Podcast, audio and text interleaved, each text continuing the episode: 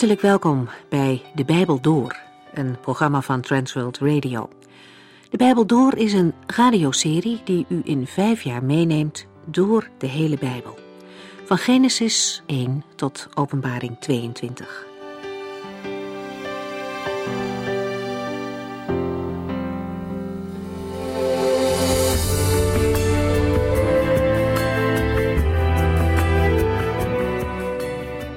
We gaan in deze aflevering verder met Genesis 31 en daarmee zitten we midden in de verhalen over de aartsvaders. In deze aflevering staat Jacob centraal. Niemand wil graag achtergesteld worden. Het voelt niet prettig om minder aantrekkelijk en minder geliefd te zijn. En Lea heeft dat ervaren in haar huwelijk. Jacob, haar man, hield niet echt van haar, maar van haar zus. En hij verwaarloosde Lea, alhoewel zij er niks aan kon doen dat ze met hem getrouwd was. In haar cultuur werd het huwelijk door de vader geregeld. Zij had geen eigen keus. Buiten uw schuld om kunt u in een moeilijke situatie terechtkomen en dat kan er soms uitzichtloos uitzien. U kunt ook een gemis ervaren omdat u eenzaam bent. Er is niemand of bijna niemand die van u houdt voor wie u heel speciaal bent. Dat zijn moeilijke dingen, vooral als het er niet naar uitziet dat het gaat veranderen. En toch, in de hemel is God en Hij kijkt naar u, Hij ziet naar u om, Hij ziet ook wat er gebeurt en Hij reageert. In Lea's situatie veranderde niets. Zij moest de gevolgen dragen van wat andere mensen verkeerd hadden beslist, maar er gebeurde wel wat. In de Bijbel staat dat God haar ziet. Hij geeft haar een zoon. En Gods plan met haar gaat nog veel verder. Ze wordt een verre voorouder van de Messias. Uit de stam van Juda, haar vierde zoon, zal eens Gods eigen zoon geboren worden. Dat weet Lea nu nog niet, maar ze realiseert zich wel dat God haar ziet, naar haar omziet. Ze noemt de baby Ruben en zegt erbij: De Heere heeft mijn moeilijkheden gezien. Dat is iets wat we moeten vasthouden als het leven niet makkelijk is. De Heere ziet uw en mijn moeilijkheden. Bij hem is troost te vinden als het leven zwaar is. Wanneer mensen op alle fronten tekortschieten, is God er. Dat is de les van Lea en dat is ook de les voor ons. In het hoofdstuk dat we vandaag bespreken gaat Jacob terug naar het beloofde land en naar zijn familie. Hij is inmiddels twintig jaar bij Laban geweest. En God roept hem om terug te gaan. Sommige mensen zijn figuurlijk al jarenlang weg uit het gezin van God, uit een christelijke gemeente. En dit verhaal roept ons op om terug te keren. In de allereerste plaats naar God, maar ook naar de familie van God, de gemeente.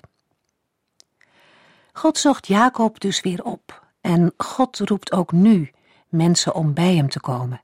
Hij wil mensen ontmoeten en met hen verder gaan.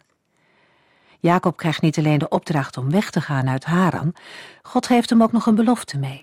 Ik zal bij u zijn. En als je dat weet, dan kun je veilig gaan.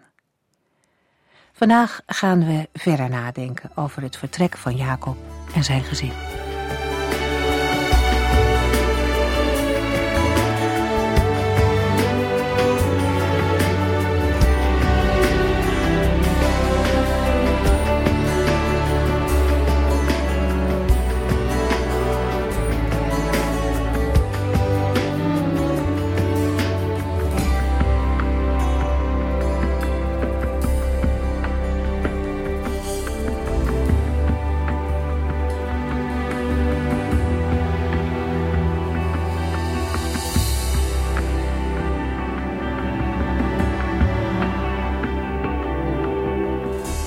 Jacob heeft diepe beproevingen moeten meemaken. Hij heeft zware lessen moeten leren. Twintig jaar met oom Laban is hem niet in de koude kleren gaan zitten. Maar wat Laban ook met hem afspreekt, altijd loopt het weer uit op het feit dat Jacob meer bezit ontvangt dan zijn oom Laban. Tot grote ergernis van Laban. En niet alleen van hem, ook zijn zonen hebben het er steeds over. We hebben het gelezen in de eerste verse van Genesis 31. De zonen van Laban zeggen: Alles wat Jacob bezit, heeft hij aan onze vader te danken. Zijn rijkdom is ten koste van onze vader ontstaan. Maar dat was niet zo. Het was de Heere God die Jacob had gezegend. En daarom zegt de Heere God tegen Jacob: Ga terug naar uw vaderland en uw familie. Ik zal bij u zijn. Jacob gaat zich voorbereiden om op weg te gaan. Hij roept Rachel en Lea bij zich op het veld. Jacob wil niet dat hij wordt afgeluisterd. Mogelijk zou dan een bediende of iemand anders het horen en aan Laban vertellen. Het wordt een bijzonder gesprek. Jacob zet alles nog eens op een rijtje. Jullie vader heeft zich tegen mij gekeerd en nu heeft de God van mijn vaderen met mij gesproken. Jullie weten hoe hard ik voor jullie vader heb gewerkt. Maar hij heeft mij bedrogen. Hij is de afspraken over mijn loon herhaalde malen niet nagekomen. Maar God heeft niet toegestaan dat Laban mij benadeelde. Genesis 31, vers 8. Want toen hij beloofde dat alle gespikkelde dieren voor mij zouden zijn, werden er alleen nog gespikkelde dieren geboren. En toen hij van mening veranderde en zei dat ik alle gestreepte dieren mocht hebben, waren alle jonge dieren gestreept. Jacob legt Rachel en Lea uit dat het God is die hem heeft gezegend. Zelfs zo dat Laban en zijn zonen jaloers op hem zijn geworden. Dan vertelt Jacob hen de echte reden waarom hij wil vertrekken. Genesis 31, vers 11 en 12. Toen, in mijn droom, riep de engel van God: Jacob! En ik antwoordde: Ja. En hij zei dat ik de witte ooien met de gespikkelde, gevlekte en gestreepte bokken moest laten paren. Want ik heb gezien wat Laban u heeft aangedaan, zei de engel. In het vorige hoofdstuk hebben we de fokmethode van Jacob kort aangeduid. Jacob had toen een manier in gedachten om ervoor te zorgen dat normaal gekleurde dieren toch lammeren met een afwijkend kleurpatroon zullen voortbrengen. Hij moet dit al van plan zijn geweest toen hij zijn voorstel aan Laban formuleerde. Het wonderlijke dat gebeurde was dat ondanks de wisselende afspraken van Laban, Jacob steeds de meeste dieren kreeg.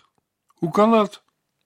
Kwam dat door die slimme truc van Jacob met de donker gekleurde takken?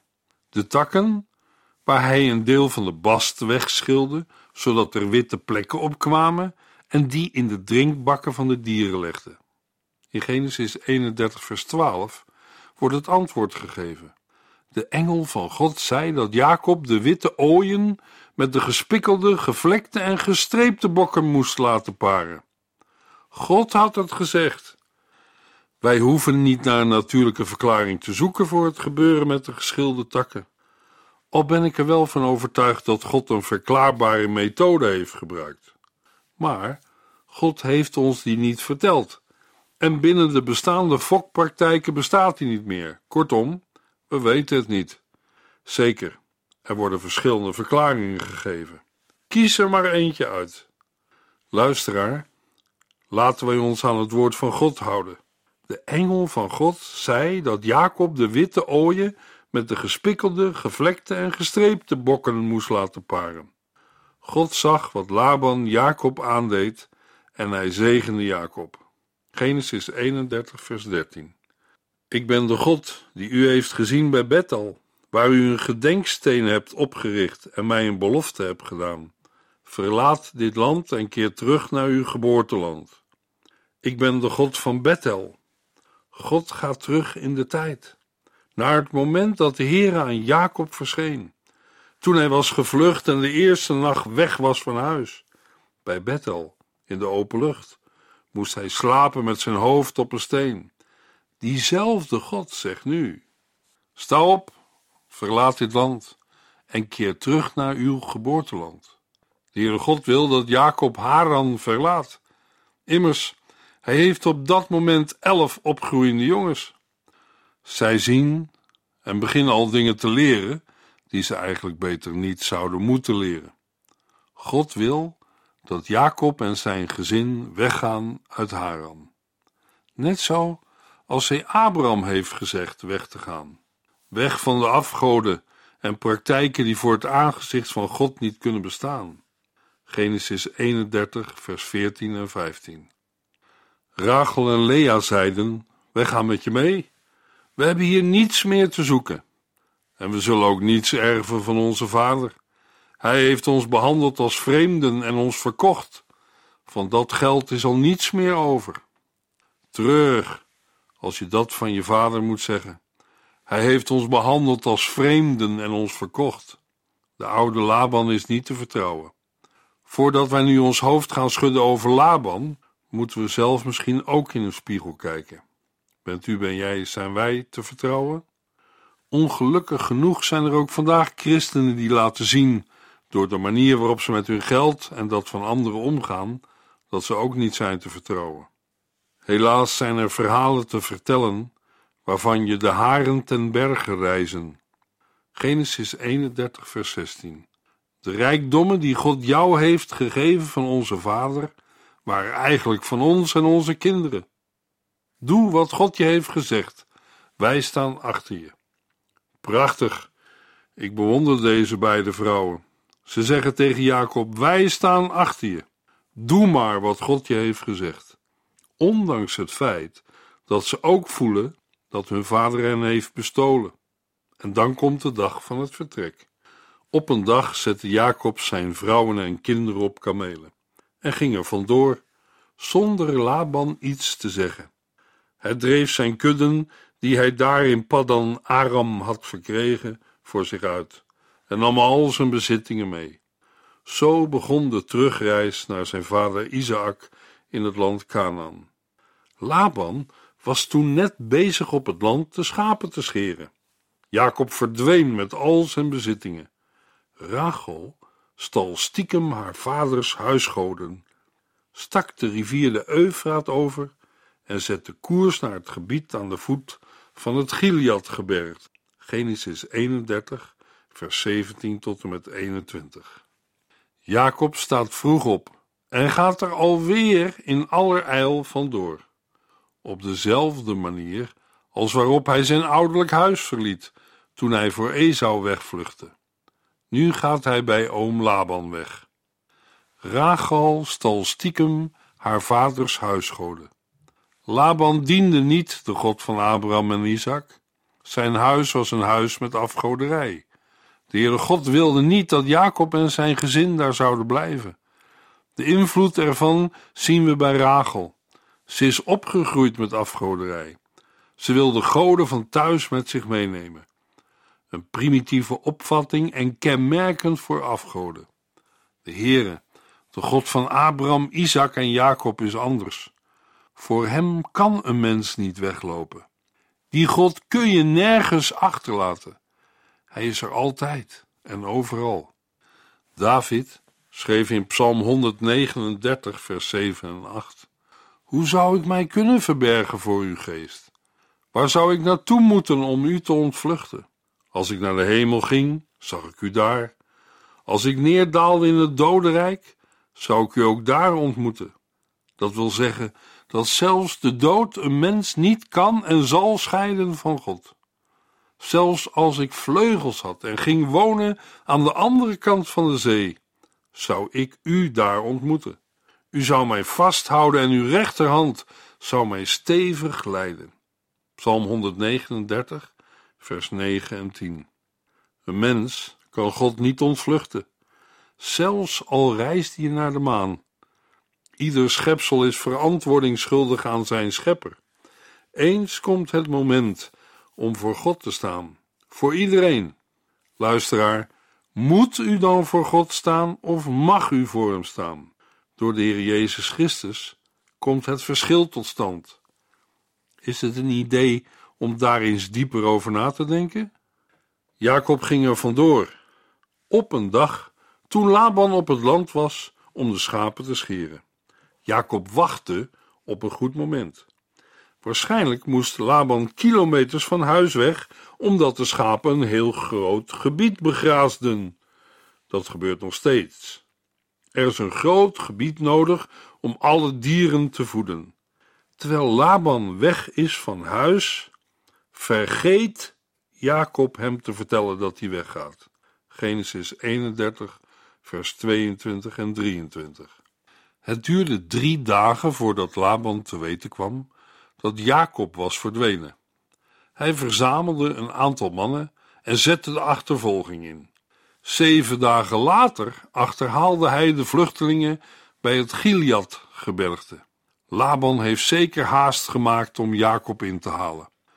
We kunnen er zeker van zijn dat Laban, wat Jacob betreft, niet veel goeds in de zin had. Ik denk dat hij boos genoeg was om hem te doden. Hij zal gemerkt hebben dat zijn terafim, zijn huisgoden, gestolen zijn. Zeven dagen later achterhaalde hij de vluchtelingen bij het Gileadgebergte. De afstand tussen Haran en Gilead is minstens 500 kilometer.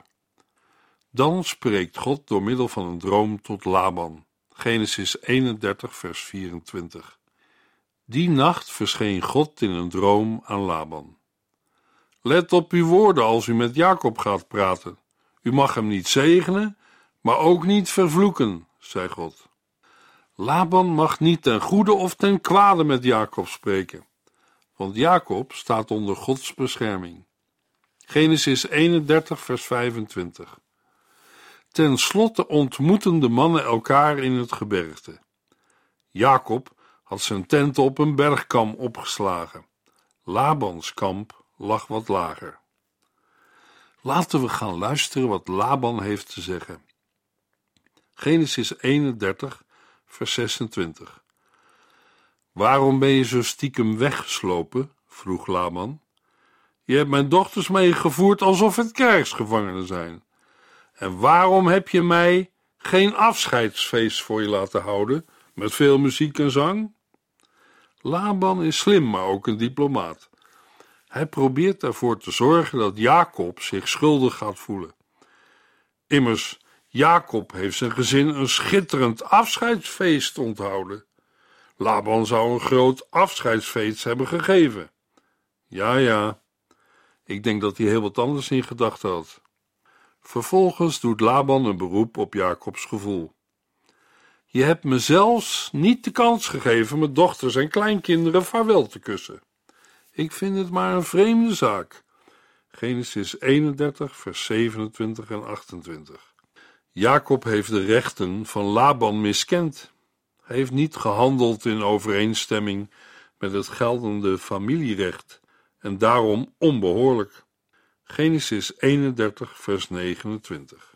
Ik zou je gemakkelijk de les kunnen lezen, maar de God van je vader is de afgelopen nacht aan mij verschenen en heeft gezegd: Let op uw woorden als u met Jacob spreekt. U mag hem niet zegenen, maar ook niet vervloeken.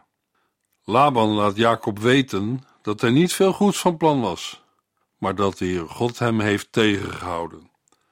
Genesis 31, vers 30. Maar nu moet jij mij eens vertellen, als je bent weggegaan, omdat je zo graag terug wil naar je geboorteland, waarom heb je dan mijn huisgoden gestolen? Laban vraagt naar de gestolen huisgoden. Jacob wist niet dat Rachel ze had gestolen.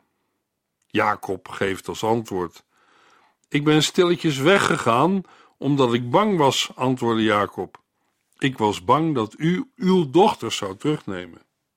Genesis 31, vers 31. Jacob kent zijn schoonvader Laban wel een beetje. Hij wist dat Laban hem en zijn gezin niet samen had laten gaan. Daarna reageert hij op de huisgoden. En wat betreft uw huisgoden, ik vervloek degene die ze heeft meegenomen. Laat hem maar sterven. Als u ook maar iets vindt dat wij van u hebben gestolen, zal ik het u zonder meer teruggeven. Dat zweer ik in het bijzijn van al deze mannen. Jacob wist namelijk niet dat Rachel ze had gestolen. Genesis 31, vers 32. Zie je? Jacob geloofde Laban niet.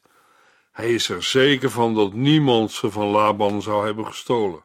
Maar Laban geloofde Jacob ook niet. Ze hebben absoluut geen vertrouwen in elkaar. U merkt het al, de afgelopen twintig jaar zijn niet erg gezellig geweest. Genesis 31, vers 33 tot en met 35. Laban doorzocht eerst Jacobs tent, daarna die van Lea en toen die van de twee bijvrouwen, maar hij vond niets. Als laatste doorzocht hij Rachels tent. Maar Rachel had de beeldjes in haar zadeltas verstopt en zat daar nu bovenop. Zo moest Laban zijn speurtocht onverrichte zaken beëindigen. Neem me niet kwalijk, vader, dat ik niet opsta, maar ik ben ongesteld, zei Rachel. Laban verwachtte dat een van zijn dochters heeft, maar Rachel is een slimme tante. Ze is dan ook de dochter van Laban. We krijgen zo wel een realistisch beeld van de familie. Dat Rachel de terafim, de huisgoden, van haar vader had meegenomen, is waarschijnlijk veel ernstiger dan we ons kunnen voorstellen. Het bezit van de huisgoden betekende de leiding hebben van de familie.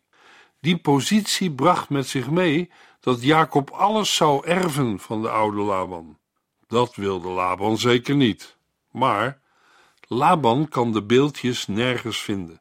Dat geeft Jacob meer zelfvertrouwen. Hij is er zeker van dat ze er niet zijn.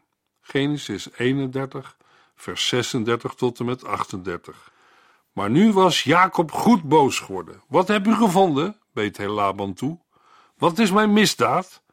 U hebt mij achtervolgd alsof ik een misdadiger ben, en nu hebt u alles doorzocht. Leg nu al die gestolen spullen hier maar neer, zodat iedereen ze kan zien en kan zeggen van wie ze zijn. Twintig jaar ben ik bij u geweest, en al die tijd heb ik goed voor uw ooien en geiten gezorgd, zodat zij gezonde jongen ter wereld brachten. Nooit heb ik maar één ram aangeraakt om ervan te eten. Jacob kreeg van zijn schoonvader geen eten, daar moest hij voor betalen.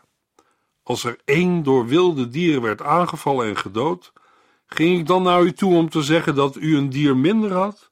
Nee, ik nam het verlies op me. U liet mij elk gestolen dier betalen, of het nu wel of niet mijn schuld was. Ik werkte voor u in de hitte van de dag en in koude en slapeloze nachten. Ja, twintig jaar. Veertien om uw dochters te verdienen en zes om een kudde te krijgen. En u hebt mijn loon wel tienmaal gewijzigd. Genesis 31, vers 39 tot en met 41. Vanaf vers 38 volgt een uitvoerige terugblik op de afgelopen twintig jaar. Wat Jacob hier zegt is een betuiging van onschuld, een soort negatieve beleidenis van zonde. Jacob geeft ook aan dat Laban steeds een vergoeding kreeg voor verscheurde en gestolen dieren. Daarna memoreert Jacob zijn inzet bij dag en bij nacht. In vers 41 brengt Jacob de klacht naar voren die hij eerder tegen zijn vrouwen had geuit. Vervolgens vermeldt hij de hulp van God, die in het verleden hielp en in het bijzonder door de droom in de voorafgaande nacht ten gunste van Jacob heeft beslist. Als God niet had ingegrepen, zou Laban Jacob berooid hebben achtergelaten. Beide partijen verdedigen hun eigen standpunt. Als het aan u had gelegen en God, de God van mijn grootvader Abraham, de glorierijke God van mijn vader Isaac, niet goed voor mij was geweest, dan had u mij zonder iets weggestuurd. Maar God heeft uw wreedheid en mijn harde werken gezien. Daarom is hij de afgelopen nacht aan u verschenen. Genesis 31, vers 42. Jacob heeft zijn grieven eruit gegooid. Genesis 31, vers 43 en 44. Laban bond in. Deze vrouwen zijn mijn dochters. Deze kinderen zijn van mij en ook de kudden en al je andere bezittingen zijn van mij. Hoe zou ik mijn eigen dochters en kleinkinderen kunnen benadelen? Vooruit, laten we een verdrag sluiten, jij en ik, en laten we daarnaar leven. Laban ziet dat zijn zaak bij God en mensen hopeloos is en zoekt vrede. Hij weerlegt Jacobs beschuldigingen niet en gaat een andere kant op. Net als in vers 28 noemt hij Jacobs kinderen zijn eigen kinderen. Daarmee bedoelt Laban hier niet dat hij rechten heeft, maar dat hij met hen verbonden is en hen niet wil schaden. Laban stelt voor een verbond te sluiten. Indirect is het vragen om een verbond het erkennen van de ander als meerdere. Jacob richtte een steenhoop op en er wordt een overeenkomst gesloten. Ze noemden de steenhoop Jegar Sahaduta, hoop van het getuigenis, in Labanstaal, en Galet in Jacobstaal. Deze steenhoop zal als getuige tussen ons instaan, indien iemand over de grens komt, zei Laban. Daarom heette de steenhoop ook Mispa, wachttoren. Want Laban zei: Mogen de Heer de wacht houden over ons als wij niet meer bij elkaar zijn. Genesis 31, vers 47 tot en met 49. Laban geeft de steenhoop een Arameese naam mee, die steenhoop van het getuigenis betekent. Jacob geeft de steenhoop een Hebreeuwse naam, die betekent steenhoop van de getuigen. In vers 49 wordt ook mispa genoemd, dat uitkijkpost of wachtpost betekent. Wanneer beide partijen van elkaar gescheiden zijn, zal God op het gedrag van beide letten. In Amerika worden deze woorden uit vers 49 wel eens gebruikt aan het eind van een kerkdienst of als inscriptie in trouwringen. De zogenaamde mispazegen. Mogen de Heer de wacht houden over ons wanneer wij van elkaar gescheiden zullen zijn. Daarmee wordt een positieve invulling gegeven aan de wachthouden, want het over ons is hier negatief bedoeld. Mogen de Heere de wacht houden over ons, wil in werkelijkheid zeggen, mogen de Heere zijn ogen op u gericht houden, zodat u mij niet meer zult bestelen. Dat is precies wat Jacob en Laban zeggen. Daarna gaan ze beiden hun eigen weg. De steenhoop bleef te mispa, als een grens tussen Laban en Jacob. En beide beloofden zij die grens niet te passeren. Jacob en Laban kunnen elkaar niet in de gaten houden. En daarom leggen ze de naleving van het verdrag in Gods hand. Jacob gaat verder, op weg naar Canaan. God heeft hem op wonderlijke wijze beschermd tegen het geweld van Laban. Binnenkort zal Jacob het volgende gevaar tegenkomen: de ontmoeting met Esau. Maar daarover meer in de volgende uitzending.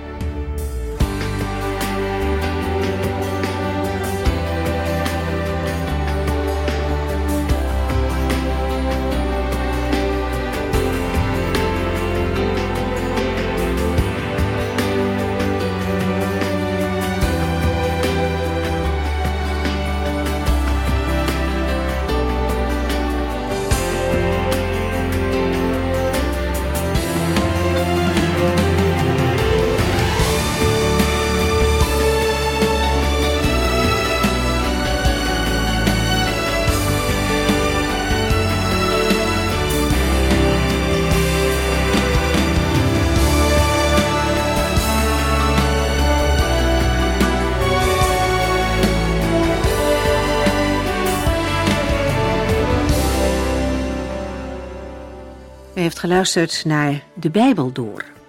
In het Nederlands vertaald en bewerkt door Transworld Radio. Een programma waarin we in vijf jaar tijd de hele Bijbel doorgaan. Als u wilt reageren op deze uitzending of u heeft vragen, dan kunt u contact met ons opnemen. Tijdens kantooruren kunt u bellen op 0342 47 8432. 0342 47 8432. 32. Ook kunt u een e-mail sturen naar de Bijbel door transworldradio.nl en natuurlijk kunt u ook via de post ons bereiken.